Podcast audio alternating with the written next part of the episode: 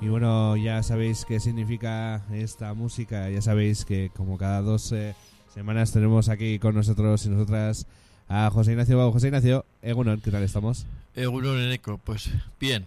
Bien, habrá que decir. Habrá que decir, sí. Ha vuelto el invierno, según parece.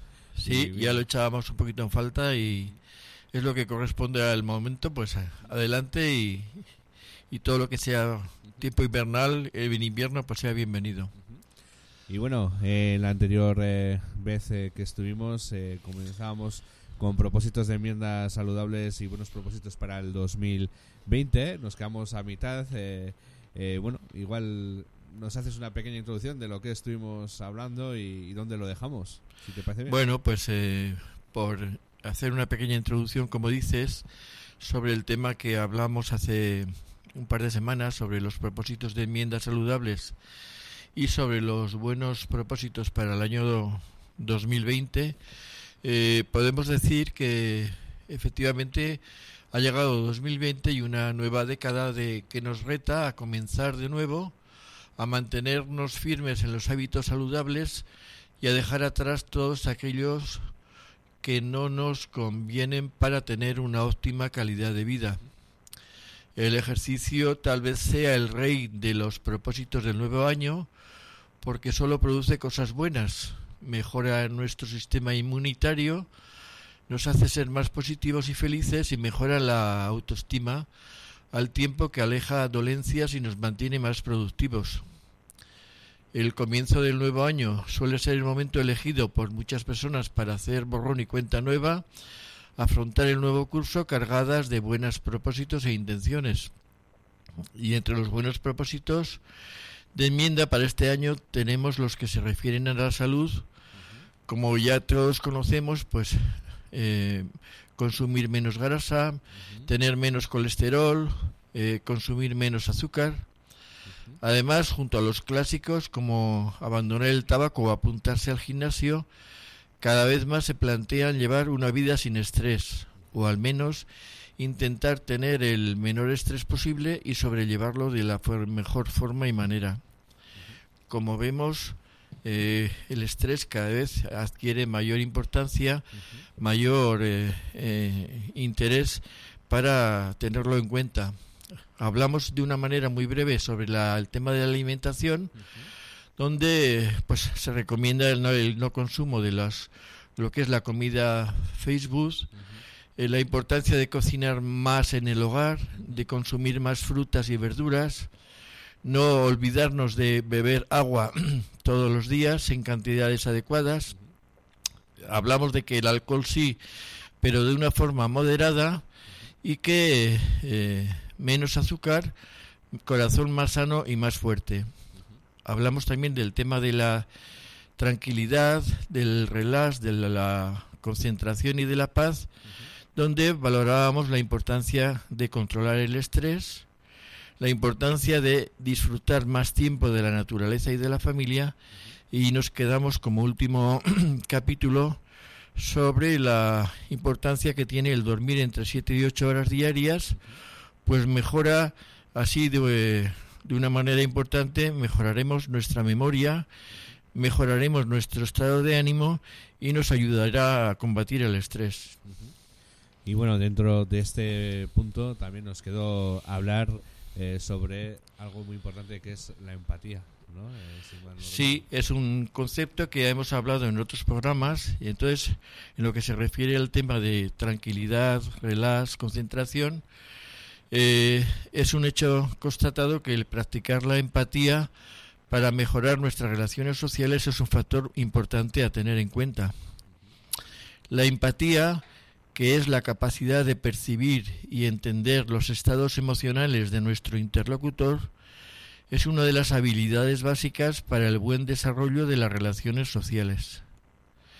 Siendo el hombre un animal social, la empatía nos aporta múltiples beneficios en todos los ámbitos de nuestra vida.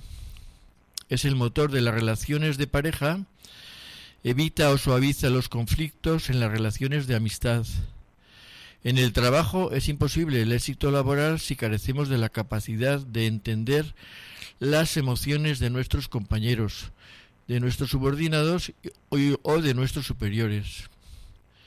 Por ello, desarrollar la empatía requiere que nos reservemos tiempo para ello y que le demos prioridad en, nuestro programa de actividades.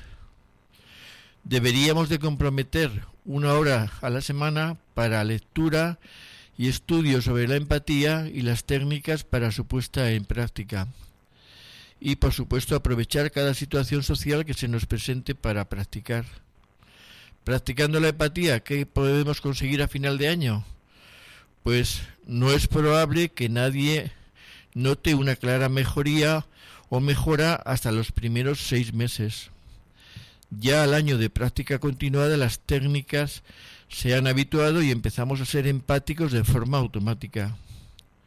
La mejora que conseguimos es una mejora para siempre y afecta, como he dicho, de forma positiva en todas nuestras relaciones sociales, en las relaciones de pareja, en las relaciones de amistad y en las relaciones de éxito laboral.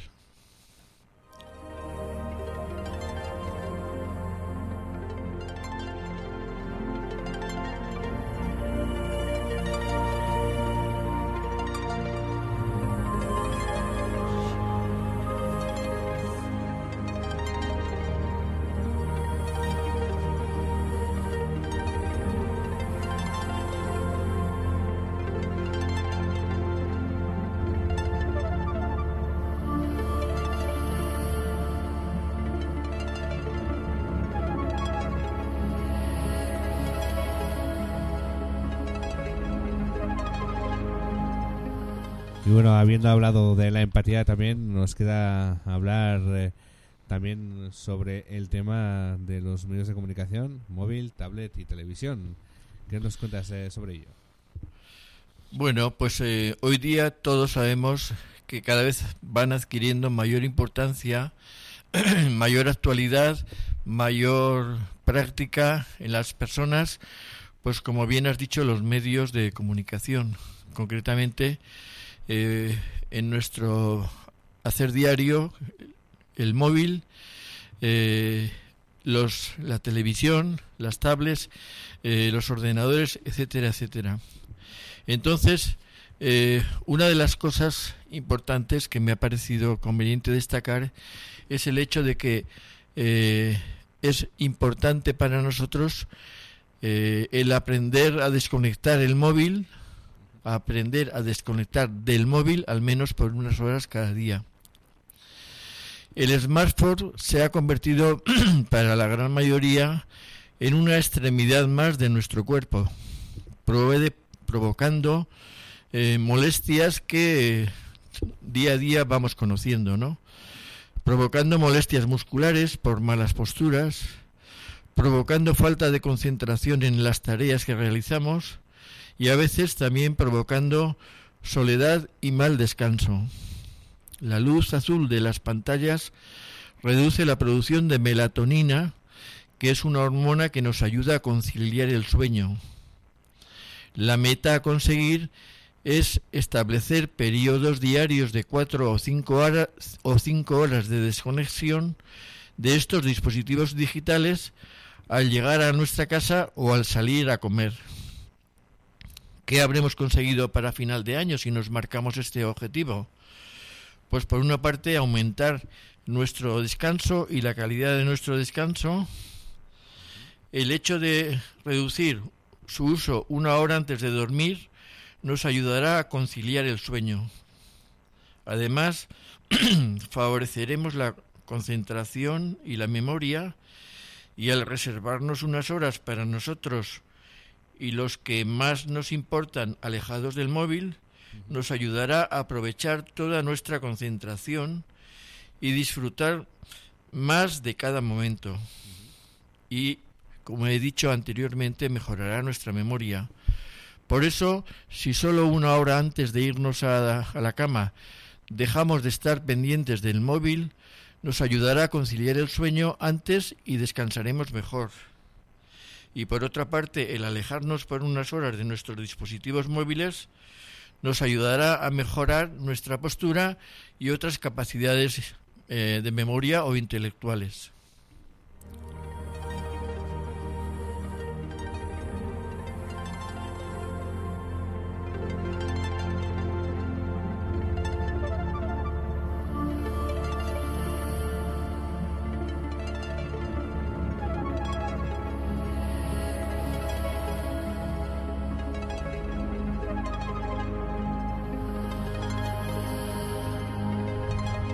Parte, eh, como he dicho, relacionado con el tema de los móviles, también está un hecho que deberíamos de tener en cuenta y como es el hecho de intentar ver menos la televisión y aparcar las tablets.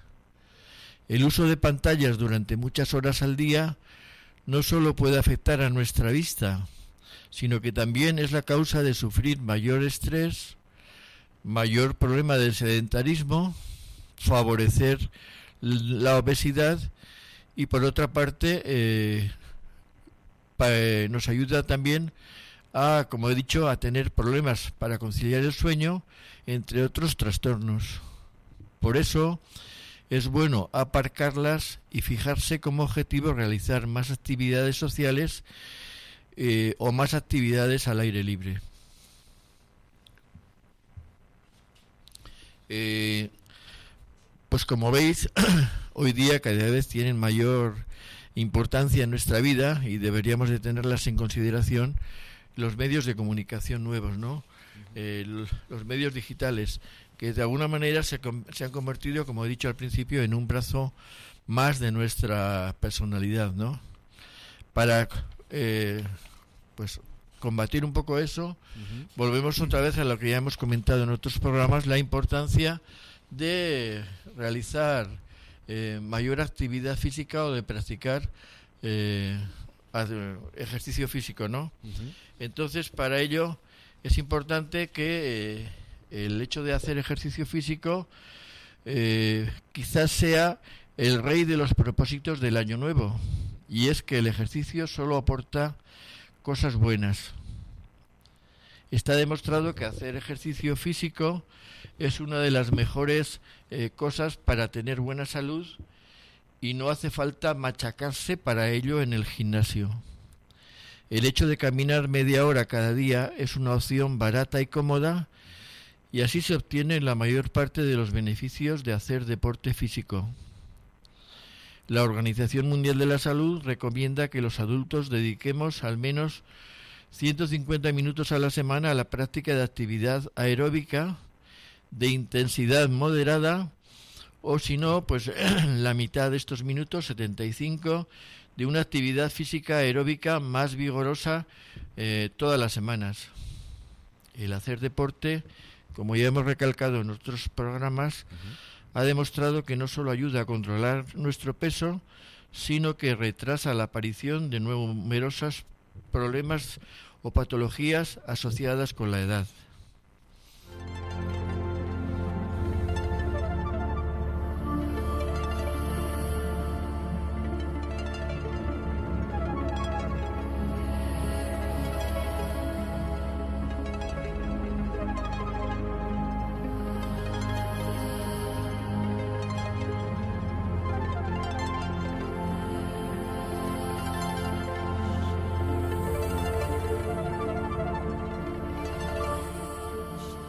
Bueno, seguimos hablando sobre hacer ejercicio físico. ¿Qué más nos puedes comentar sobre ello, José Ignacio?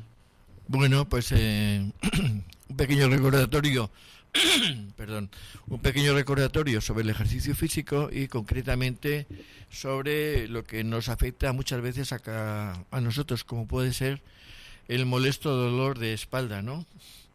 El molesto dolor de espalda que puede ser uno de los problemas de salud más frecuentes en las consultas sanitarias. Por ello, el intentar más mantener la musculatura de nuestra espalda en un equilibrio entre elasticidad y fuerza hace que seamos menos vulnerables a padecerlo y a padecer dolor. Entonces, como primera medida, un programa de ejercicios de fortalecimiento y estiramientos puede ser eh, recomendable para cada uno de nosotros en la medida que podamos desarrollar cada uno, ¿no? Porque, eh, por supuesto, todos sabemos que la mala postura también nos lleva a padecer dolor. Hay unas posturas que yo creo que son de todos conocidas, pero que considero que vale la pena recordar a la hora de hacer ejercicio que debemos de tener en cuenta, como es el hecho eh, de mantener la espalda recta, tanto caminando como en la posición de sentado. el movilizar el cuerpo cada hora para permitir oxigenar nuestras estructuras eh, musculares implicadas, todo eso evita que eh, se sobrecarguen determinados músculos que finalmente se fatigan y duelen. En la cama, pues la posición que se debe evitar es la de boca abajo. Al levantar un peso, aunque sea pequeño, siempre doblar las rodillas con la espalda recta. Salvo en un caso de dolor agudo, la actividad física que incluya programas de ejercicios de resistencia es aconsejable como costumbre habitual y a cualquier edad. ¿Qué habremos conseguido a final de año? Pues eh, podemos decir que eh, el fisioterapeuta puede tratar este dolor de espalda y recomendar ejercicios terapéuticos y hábitos posturales adecuados e individuales para cada persona, como he dicho. ¿Qué podemos conseguir? Pues que hayamos mejorado nuestro tipo de actividad muscular y que al final de año nos duela menos la espalda o no nos duela la espalda. Entonces, eh, importante, pues que tengamos en cuenta las posturas a la hora de hacer ejercicios y a la hora de hacer cualquier tipo de actividad.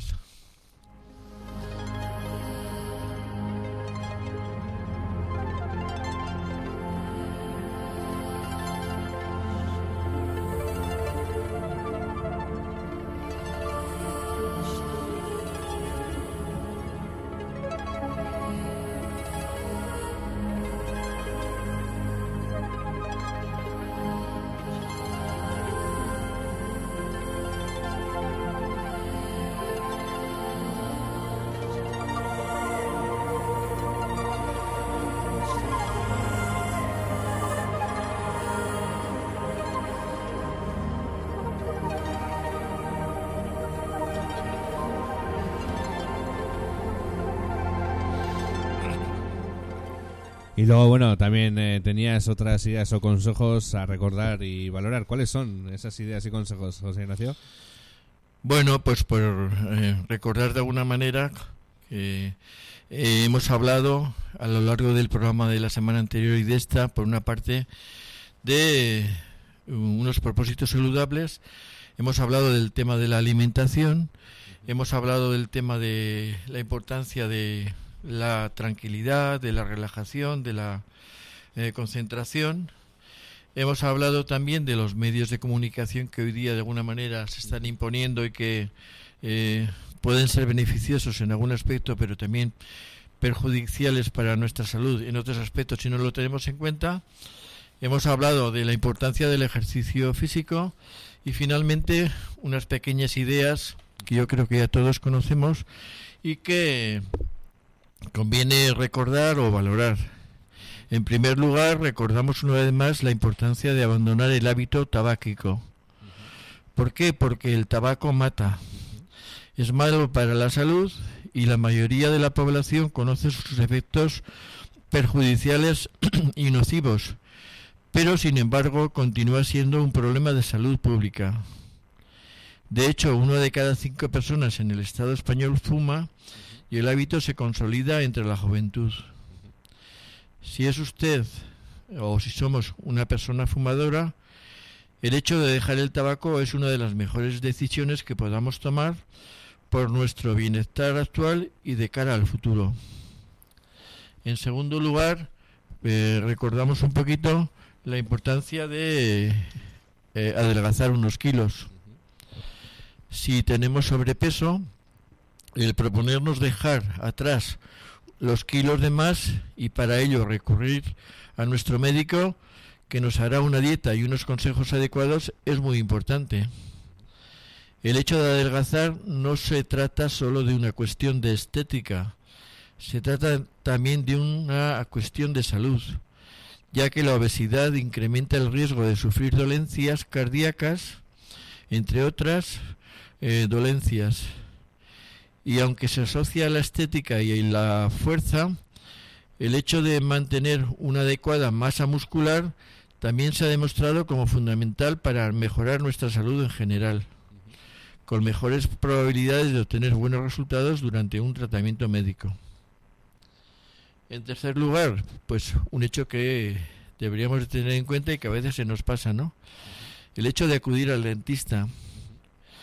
Una buena higiene dental y revisiones periódicas al dentista pueden evitar que se agraven algunas de las enfermedades crónicas como lo son las enfermedades cardiovasculares, las respiratorias o incluso la diabetes. Por eso una meta para el año nuevo es, si no lo hacemos, el hecho de acudir a nuestro odontólogo a una revisión. Todo ello, nuestra salud nos lo agradecerá. En cuarto lugar, pues y la importancia de que nos acostumbremos a llevar bien la medicación. Si somos enfermos crónicos y no cumplimos bien con la medicación pautada por nuestro especialista o nuestro médico de cabecera, deberíamos de fijarnos como meta cumplir con el tratamiento que nos han prescrito. ¿Por qué? Pues porque la falta de adherencia al tratamiento es una de las causas principales de hospitalización y de falta de control de enfermedades eh, importantes hoy día, como puede ser la diabetes, la hipertensión arterial y otros factores relacionados con nuestra salud. Y finalmente, pues eh, deberíamos hacer como hacemos con nuestros coches, como lo cuidamos, ¿no? Una revisión médica al año, importante de hacerlo. No deberíamos dejarlo para más tarde. Con una revisión médica algunas preguntas y una simple analítica, nuestro médico nos puede proporcionar un plan de salud adecuado a nuestras necesidades. Pues con esto terminaríamos el, eh, la, por la colaboración eh, de hoy. José Ignacio, muchas gracias por, por esos consejos. Esperemos que, la gente tome nota y tomemos nota y, bueno, pues eh, tengamos esos propósitos de enmienda para, para este 2020. Pues gracias, Nico. Como vemos, tampoco es que sea muy complicado todas las cosas que hemos eh, comentado un poco, ¿no? Y la importancia de tenerlas en cuenta y de llevarlas o de intentar llevarlas a cabo. Eh, es un recordatorio que creo que a todos nos viene bien hacerlo de vez en cuando y que nos puede ayudar un poquito a mejorar nuestra calidad de vida. Pues eso es, que mejore nuestra calidad de vida. Muchas gracias, José Ignacio, es que ricasco. Vale, es que ricasco, Suri, agur.